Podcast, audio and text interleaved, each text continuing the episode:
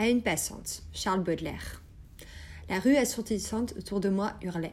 Longue, mince, en grand deuil, douleur majestueuse, une femme passa, d'une main fastueuse. Sous le vent, balançant le feston, il ourlait, agile et noble.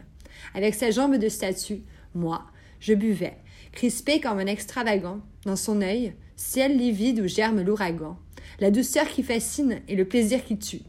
Un éclair, puis la nuit, fugitive beauté, dont le regard m'a fait soudainement renaître. Ne te verrai-je plus que dans l'éternité?